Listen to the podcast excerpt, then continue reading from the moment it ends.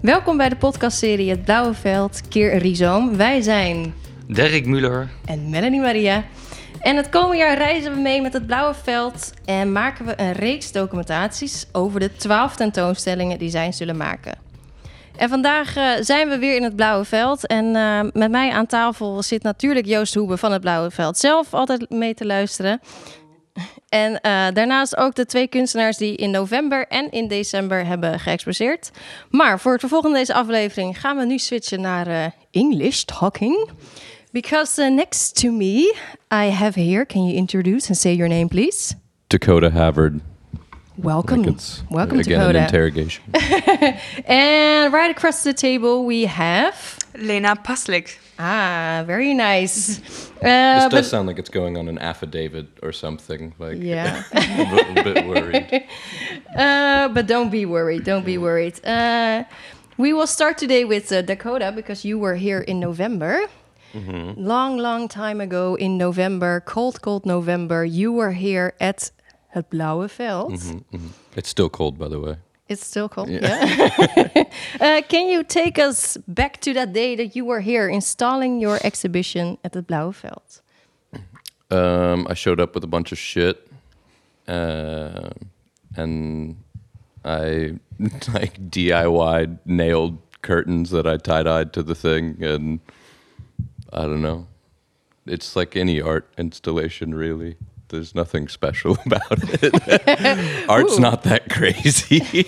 I just nailed curtains to a wall. Um, but I had like handmade vinyls that I made from old Grateful Dead records, in which I had dropped LSD in them, and uh, portraits of Ted Kaczynski and the lead singer of the Grateful Dead, Jerry Garcia. Um, and it was basically all about how the entire hippie movement was manufactured by the CIA in order to cause a de escalation in people who actually wanted armed revolutions and instead tricked people into taking drugs and fucking each other in a field um, while listening to crappy music. All right. that was a good short uh, introduction of your uh, because indeed, like you talk about indeed this hippie movement. Uh, when I walked by uh, in the cold, cold November, uh, I saw a lot of colors. Like you, you talk about those DIY uh, curtains. Um, can you explain a bit more visually? What what did we see? Um, well, if you've ever done LSD, it's just that. I haven't, and Uh, I don't know if uh, if people uh, have. So Uh, anyone me. at the table, you done acid? You done yeah, acid? yeah, I've done it, but just once. Ah, and okay. it was in a sunny place, but did, did, this didn't remind me of a sunny place. No, well, yeah, this is it, it's inside. Yeah. That's and it was November in the Netherlands. It's Yeah. not the sunniest place. did you also co- came up with this uh, uh, doing acid or not?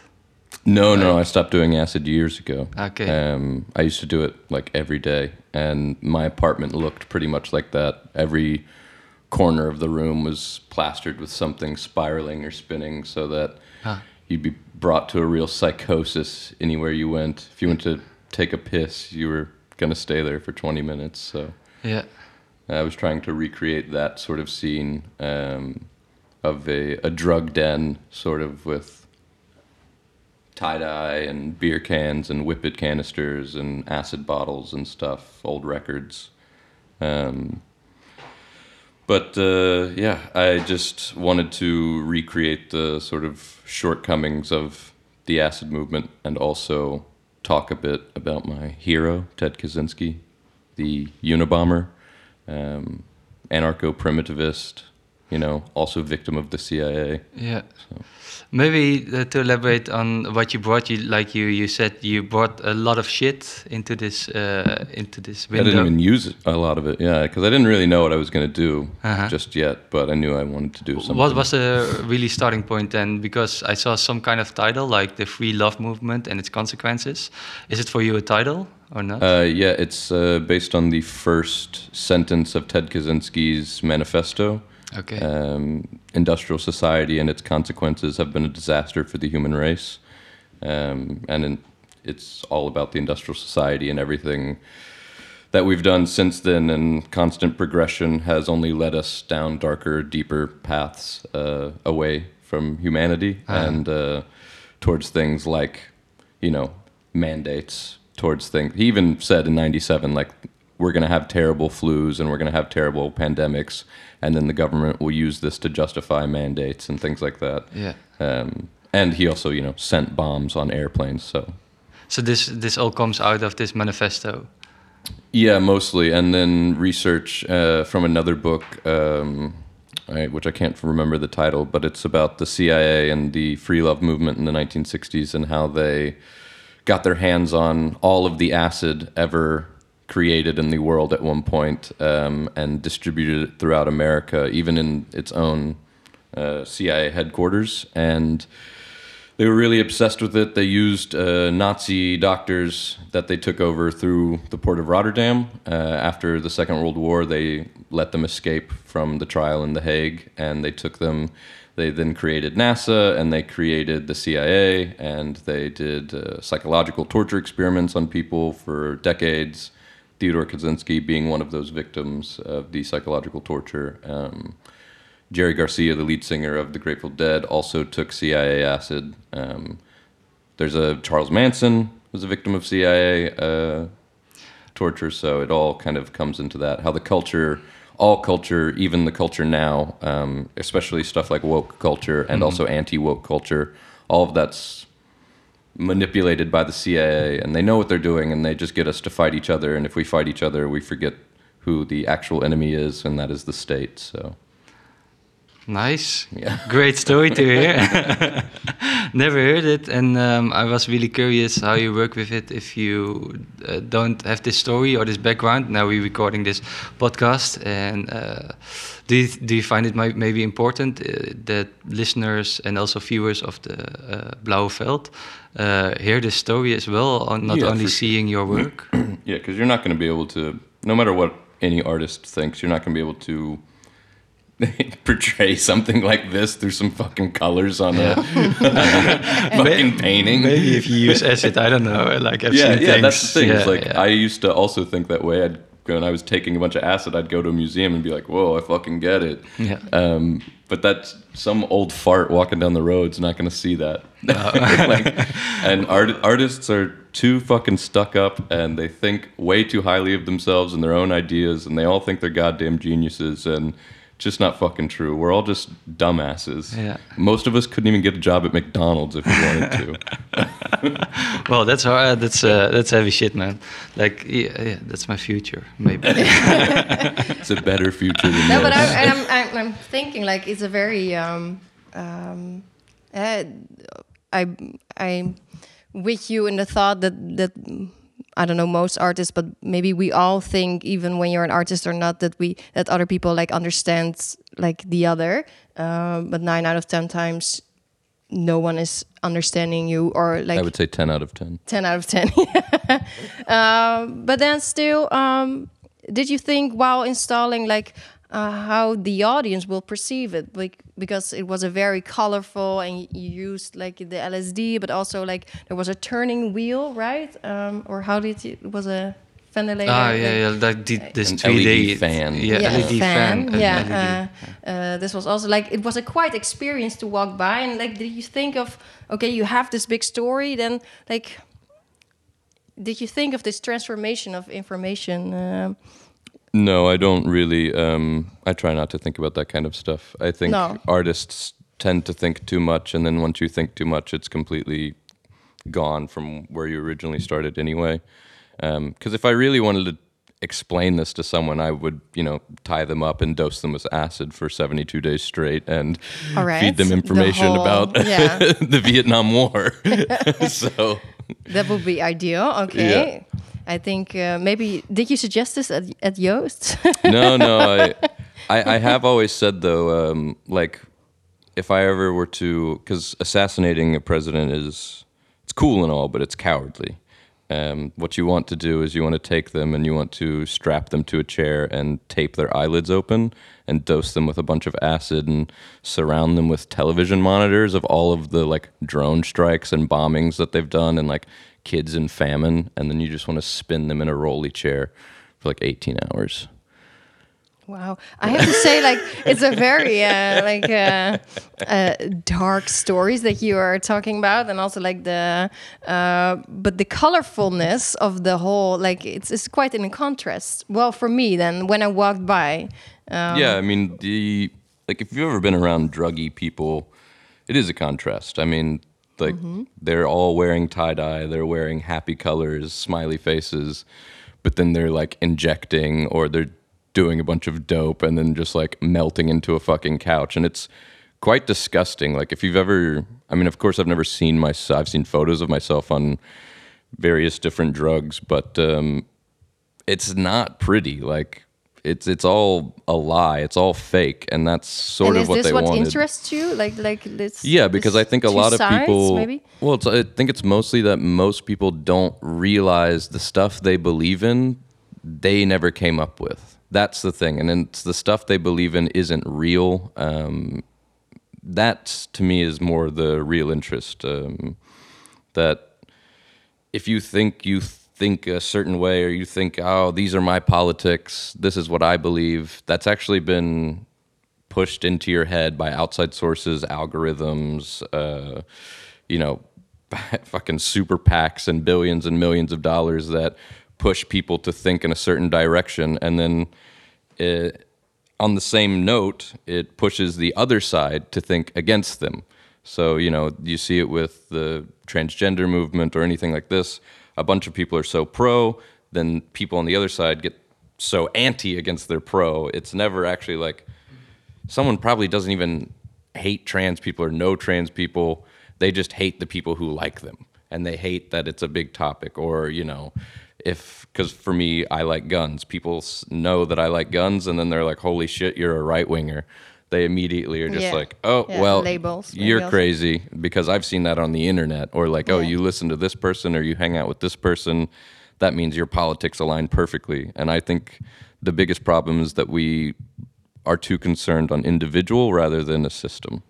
Is there a possibility for us to, as human, to live outside of a system with the entire world or not? No, there's eight billion of us and growing. like that's an insane idea. Globalization uh, is like the death of humanity, um, because and it's also very ethnocentric. Like when I see people, they don't they don't have nuance. No one has nuance about any goddamn thing on here because you, people here want to talk about you know freedom of this and this and this, and we have to spread our ideas. But that's ethnocentric because people in Asia aren't going to believe the same thing you believe, and people in Africa aren't going to believe the same thing you believe. And if you want to, if you say no, what I believe is correct, and you begin to push that ideology on other cultures, that's you being what the term Ah, yeah, ethnocentric. So you believe your uh, ethnicity and your beliefs are totalitarian in nature, and so you say this is the way the world should be. Because guess what? They still fucking hang gay people in Saudi Arabia, right? That, that's the shit's going on in completely different places. I mean, people eat people. You can't just go over to a culture and say, "Hey, cut that out," because that's you assuming that in your Western Western ideology that it's correct. Yeah. Um, so no, I don't think that's possible. Yeah, that was what we is, spoke about. Like, um, um, this is an, another story or another uh, topic. Uh, like, you came from America uh, to the Netherlands, and uh, we were really curious about what was this uh, um, time or what was this thought you had to come to the Netherlands.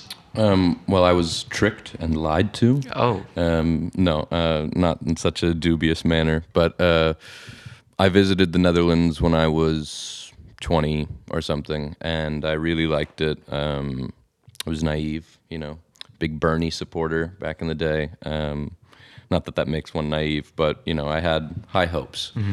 Um, and I saw the Netherlands as maybe a bastion for this hope. And um, it was right around the Trump presidency, and like I'm from Alabama, and then I also went to an art school. So like my whole family voted Trump, and everyone in the South was like, you know, they wake up in the morning and they're just like, "Fucking let's go, baby! I want fucking DT in the office, baby!" And you know, everything was about that, and they just are wild. You know, they basically wanted him as a king. And then I went to art school in the same breath, and everyone was like, "Yes, Queen Hillary Clinton is god and it's like you do realize like she's a war criminal and you say that and people think that you're a trumpist and then i go down to alabama and i'm like you guys do realize like he's a racist billionaire and they're like oh so you love hillary clinton? And i was just like i gotta get the fuck out of here. Ah, i was like everyone is stupid. Like everyone around me is an idiot.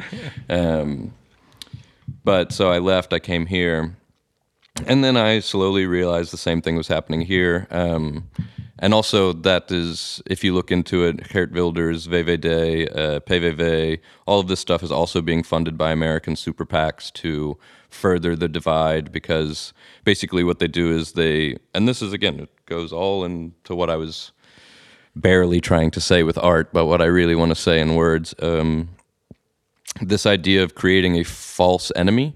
Um, so of course the right wing is very bad, but it's clearly not like it.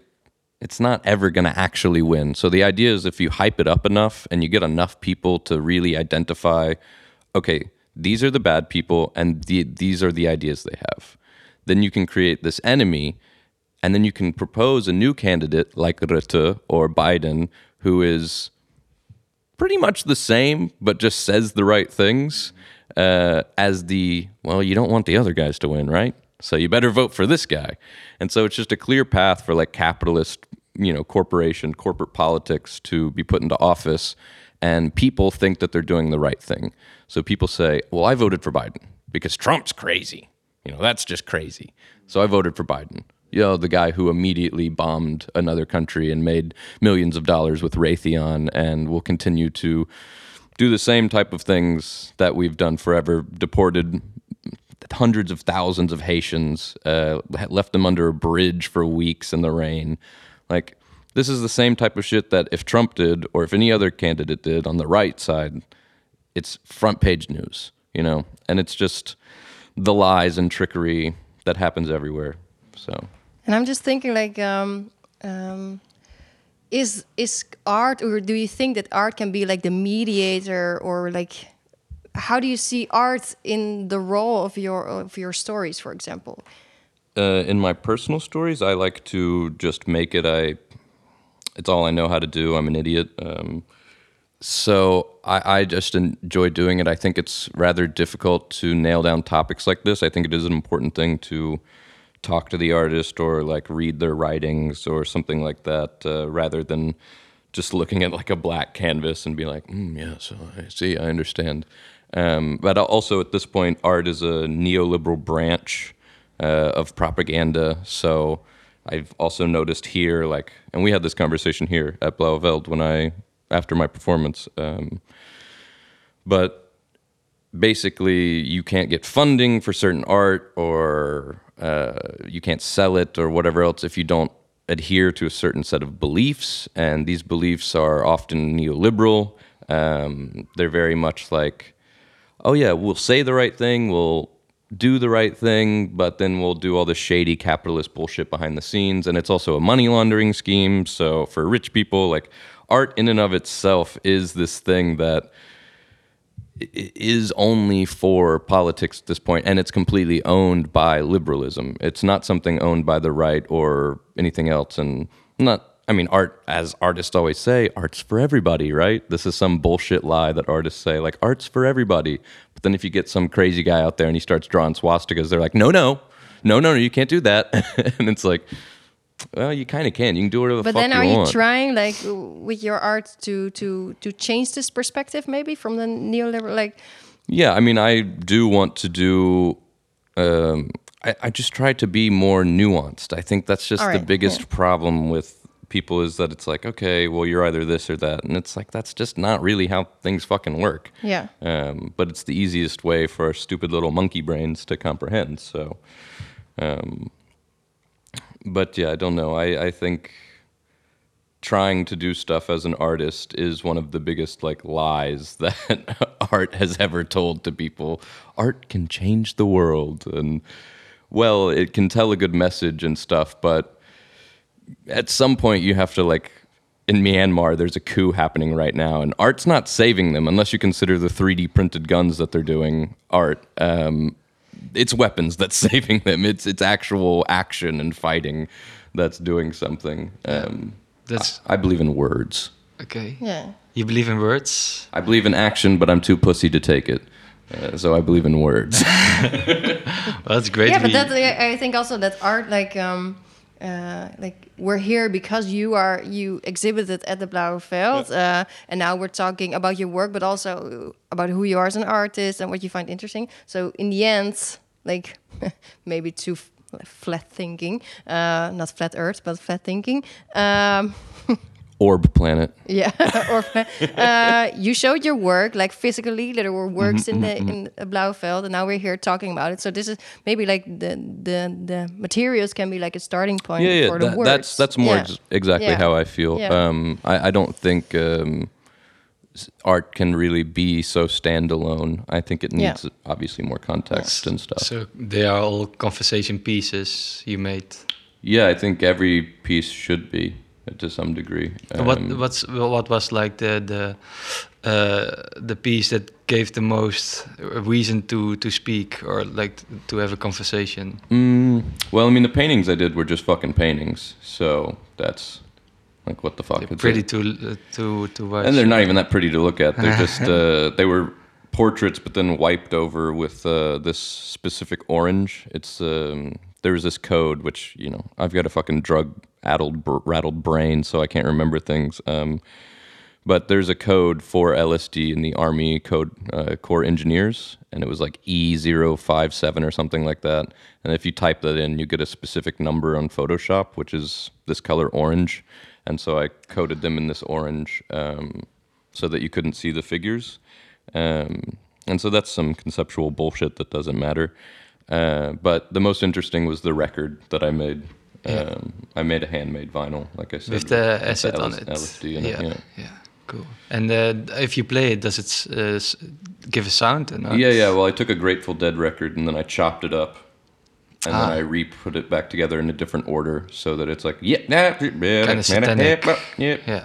And I tried to recreate sort of the a, a famous thing the CIA did during the MK Ultra experiments was give people LSD and then play music like that over and over and over again to them. So I was trying to do something like that, and I. Uh, To get a message in the brain or like to distort or. Well, the whole actually end goal of that. Sorry to get into like history lessons more. No, than this is great. Um, the end goal because they were trying to find a truth serum for a really long time, and that closest thing they got to that was actually marijuana, um, because they realized if you got people high enough, they'll just spill their beans. they'll just say whatever. But that wasn't nearly as interesting as this new drug that they found in 1947 called lysergic acid diethylamide 25, which uh, basically unlocked all parts of the brain and made you see God and made agents jump out of windows from nine story buildings. And uh, they had no idea what was going on. So they were just giving it to everyone, fucking trying to get it out. But the main goal was how do we make an agent who uh, is a split personality? So they wanted to completely erase one of your personalities in your head because they noticed that's something that could Yeah, happen they- on yeah. LSD. Uh, so they would dose you up so much that they could wipe one part of your brain and load it with information so that if you were on a mission somewhere and you got captured, you could be wiped. Um, and so for a while, they were actually giving agents fake tooths uh, in the back filled with liquid LSD so that they, if they were captured, they could become compromised so that anything they said a while under duress uh, couldn't be taken seriously. Damn. The the greatest history teacher maybe I've had. I do love history and I'm highly autistic, so I remember weird things like this. cool. That's awesome. Uh, yeah, uh, we don't have plenty of time at the very moment. We have to switch to Yeah, the we, other uh, artists, yeah. but Fine. uh, damn, I want to hear more stories. Anytime. Anytime, anytime. Maybe tonight I'll call you. A bedtime story. Maybe you should uh, record your own history podcast. yeah. Just Yeah. stay on LSD. yeah, exactly. Yeah, I was uh, telling like we switched to the other artists because we have two artists. We not only have Dakota Havard, but we also have Le- Lena Paslik, if I pronounce Almost, it correctly. almost. Paslik. Paslik. Pastlik. Pastlik. Pastlik. Yeah, I can't So do you have, it. to, you have to pronounce it in German. Yeah, I can't. I have a German Your uh, name is surname. Müller but there. Yeah, yeah. Müller. Well, Okay. okay, that's the most German I get, maybe. um, Lena, you had uh, after Dakota, you had an uh, exhibition in the Blauwe Veld, I guess. So that was December then, Yeah. and um, we saw a lot of cyanotypes. Uh, um, can you elaborate? Can you tell us a bit uh, what you did for the Blauwe Veld? Yeah, there was a lot of blue indeed. Um, now I saw the the open call from Joost, and I was really interested uh, to experiment with cyanotype because I haven't um, tried it before, and because of my work, I was. Uh, uh, engaged with it bef- uh, for the first time. I heard about it, but I have never done it and never reconsidered to wor- uh, to use it for my own work. So um, I thought this might be a super nice opportunity to uh, experiment with cyanotype and also to have an etalage was a really nice, uh, yeah, exposition. What's that word mean? What etalage? Yeah. It's a window, spa- yeah, where you exhibit it. Actually, I- is it Dutch? Etalage. Etalage? Yeah, French, French. I think. Yeah. Okay, okay. You guys aren't fancy enough for a word like that. yeah, true. so yeah, I thought it was a really nice opportunity to experiment with cyanotype for the first time. But Yeah. did you came sorry uh, before you go on further in the work? Um, cyanotypes, blue, blue field. Is that where it kind of started? The thinking Yeah. of the experimenting? Yeah. yeah, yeah, exactly. I was like, oh, that might. Something is it a nice coincidence or is it Yeah. just meant to be? So Yeah. I was like, that might be a nice uh, detail in the whole exhibition. And um, uh, I haven't seen like your photo work before. I only saw this work, and we tried to look up uh, on the internet more of your work. We, of course, we get, we saw your Instagram. Yeah. Uh, I saw like pictures without people, and in the Blauwe Veld, you only used pictures with people in it. Almost. Almost like one One, nut, right? yeah. Yeah, exactly. just one nut. Um, uh, was it for you also uh, uh, the first time photograph uh, making photos of people, or? Um, no, actually, I come from a very intuitive standpoint of making work. So actually, it's always a process. It's never, for me, it's never done or it's never a project. So I also used older works for the Blauwe Veld. Um, it were it were works like from three years ago, but also from one year ago. So I like to mix them um, in a new sequence, and that's what actually interests uh, me more than making a whole project and see how it comes, where it starts and where it ends. I just like to go back in time, what I made, and see if there are new stories to be made with my own work. Cool, because yeah, there was uh, I was listening to your story, sorry, um, telling about about um, that we looked up your other your older work, and it's interesting to hear that you used older work also now for for Blauwe Veld. Yeah. Uh, but what I what I find very interesting in your work uh, at the but also other work you created. Um, somehow and also because we couldn't find work on your website for example somehow there is um, uh, this in maybe it's not per se your intention but there's a lack of information on your photos but also then on your website. Uh, there are like uh, even the people who are displayed on the cyanotypes were uh, either closing their faces or like turned around. So um, yeah can you elaborate a bit or tell a bit about this Yeah, lack a lack is actually a good word for it. Lack of time, lack of information. I really like that. I have to say. Now it started all with uh, making portraits, um, actually, and I always used people which I didn't had any connection with. Um, and I was wondering why I'm doing this. And uh, later, of course, you start somewhere. Uh, later, I noticed that I don't want any association with the people on the photographs. So I used people which I met on the street or uh, uh, on vacation or in an exchange program, for example, where I just know for sure I will never meet them again. Um, just to have the same impression as I had with them when I met them for the first time. So that was really important for me uh, because I remembered when I did this with people I knew, certain feeling came up when I was looking at the pictures and it was influencing my uh, perception of the image. So I started with that, and then um, yeah, it was quite difficult for me because I'm I'm a person who makes rules for themselves actually. So this is not always an easy thing.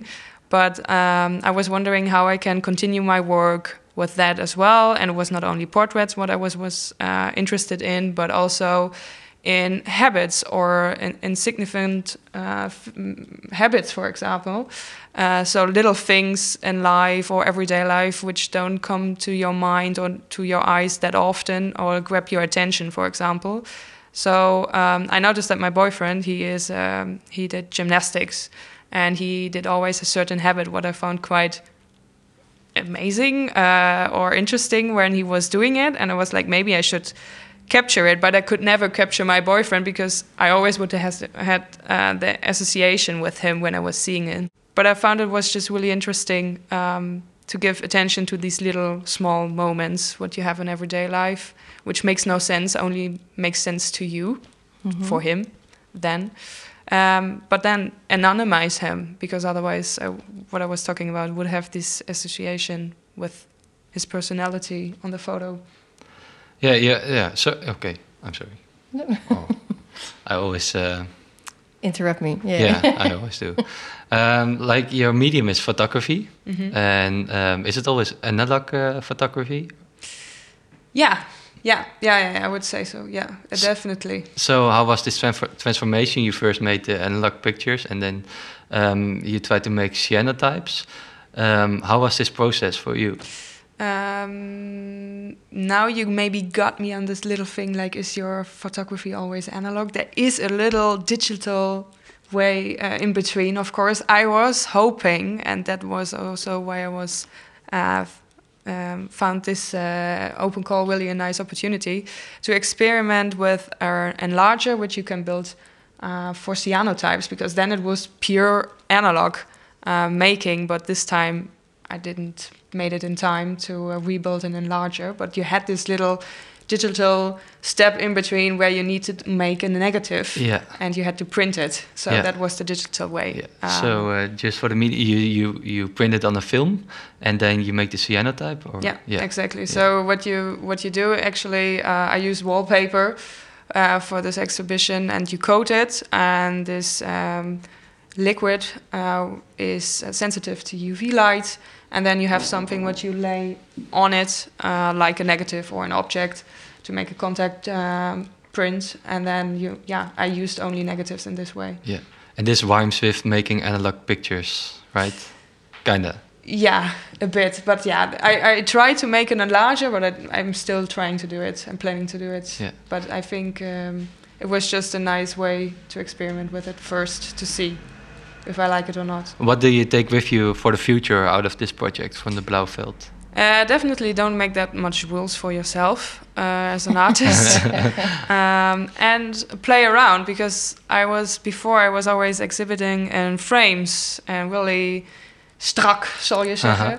Uh, sh- you say in Dutch, but uh, this time I was like making an installation that was really fun and um, designing your own space that was really nice. So I also um, saw myself playing around with materials, but I didn't do that much before. hmm So you see maybe a transformation to become more 3D uh, based or not? Because I know cyanotypes you can use 3D objects, uh, and of course for photography can you do the same.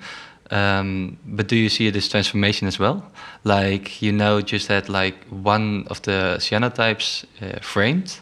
Yeah. Um, uh, yeah, then I skip my own question, but like, why was it that you just um, uh, framed one of the works? Um, I think I saw it um, as a where I came from. From this idea was from my graduation project, actually, from my masters in 2020, where I made a book where I already played a little bit around with uh, materials, um, but overlapping in a sequence. So that's where this overlapping in this exhibition comes back, for example. Um, but I was looking how they can interact with each other. So I was really uh, inspired by making books and the, the placement on the pages, for example, and how they can get in focus. Of course, you, I couldn't turn around the page in the installation. Maybe I could have. I don't know. Maybe that's my next project. But for this uh, exhibition, I was just looking um, at how can I bring focus to a certain image and how do they interact with each other and how do they create a sequence So that was where I uh, again experimented with different materials and composition. If that answers your question. It does. Yes. Sorry.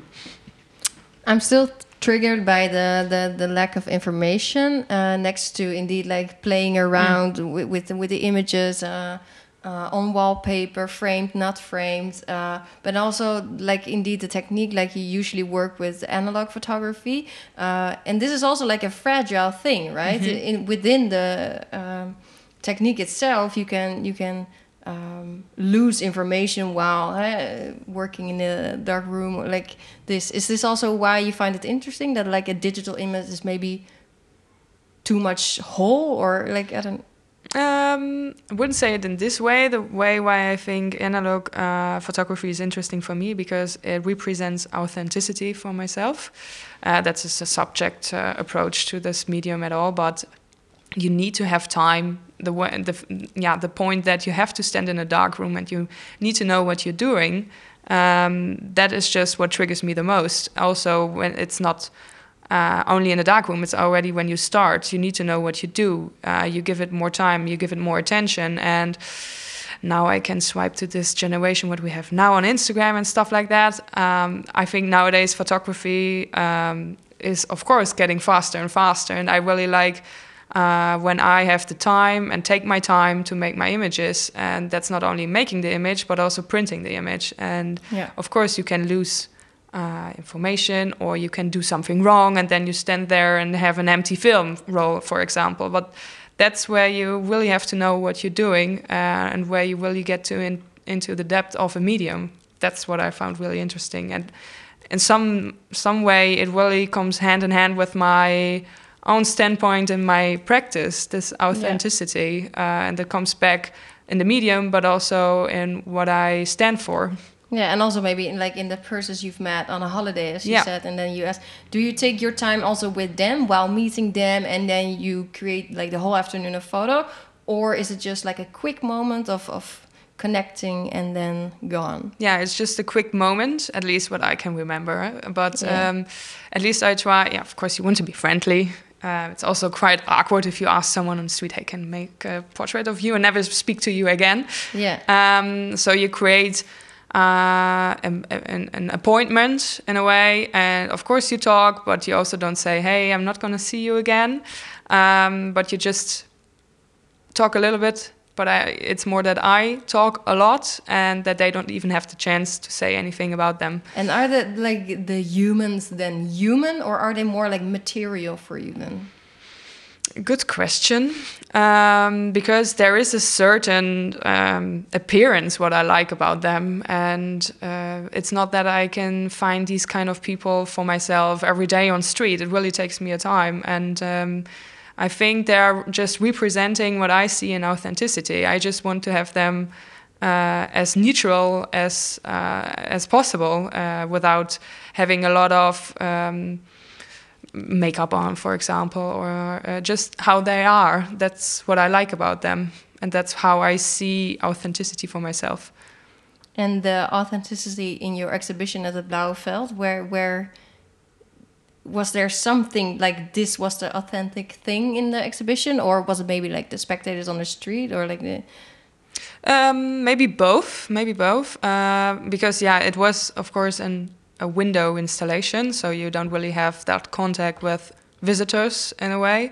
Um, for me, it is just about how the image was made uh, and how the image was printed, produced, for example, and what you have seen. For example, there were a little girl um, on the bigger prints, and that was just when I saw uh, girls in my neighborhood playing on the street and I was like, "Hey, this is so nice. This represents this authenticity again for me because that's what I know from my childhood. That's what I remember. That's what I liked about it. So a little bit of nostalgia, um, and I want to capture it. But again, I don't want to have certain faces in there if I don't choose them on purpose. So that's why we're looking for some um, positions where the girl was anonymized. yeah? Uh, I'm thinking about like the, the authenticity and then the um, in in habits, in surroundings, in, in people, and then Dakota just explaining like, okay, like um, we are with eight billion people like on the whole planet. Like, how do you think of this? Like, where is this? Um, I think that's totally a subjective approach for everyone. Uh, if I speak about authenticity, you probably have a totally Yeah. different image of authenticity. And I think for me, uh, in my work, it's just that what I see and what I would like to share. And um, maybe there are some people who share the same thought, the same interest, but maybe they Yeah. are not. And um, I would just want to share this authenticity with people uh, around me in the same world of photography, of the arts, of visual arts, and uh, maybe we can exchange about these thoughts again and see uh, what it means to you. And Yeah. then we can, of course, learn also from each other about it, which is really nice. I think that's always important to Yeah. learn uh, from one and the one and the other, right? Mhm, That's really important. Uh, I was cu- curious if you are still working with cyanotypes at the very moment. At the very moment, um, no, but I'm planning to do. Uh huh. And I think it was a really nice, um, how do you say? Uh, Start. yeah start um, to uh, elaborate this more in my practice so that was really nice a nice experience And can you give us a slight hint of what you're doing at the moment? um, i'm preparing for an exhibition um, not telling for what Okay, yet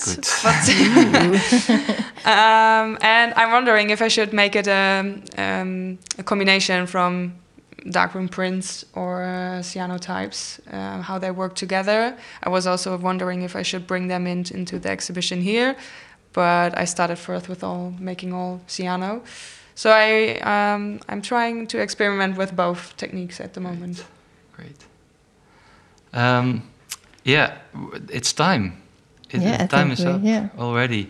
Uh, we had two great, two great artists with two great stories, and um, Whoop whoop. I love the contrast because I find that some some sort of contrast between your stories, yeah. and uh, and it's great. You're strong and independent, and that, that's that's great to hear. Um, but yeah, for, thanks for the talks. Thanks for the for all your stories, and uh, I'm very like every time. Maybe I say this every time, but it's like um, very happy that we do this podcast because yeah, also what we uh, talked about with Dakota already. Like uh, art is art, and you can tell, or like, but no one is saying how to receive it per se. Like Mhm. words are quite important actually, or well, important and or very interesting. Yeah. Uh, so I'm very happy to hear your stories and thank you for this. Thank Yeah. you for being here today. Um, and I don't know how to uh, like close this uh, podcast. I'm full of information. OG without- Coltrane, Gary Busey Tape Company.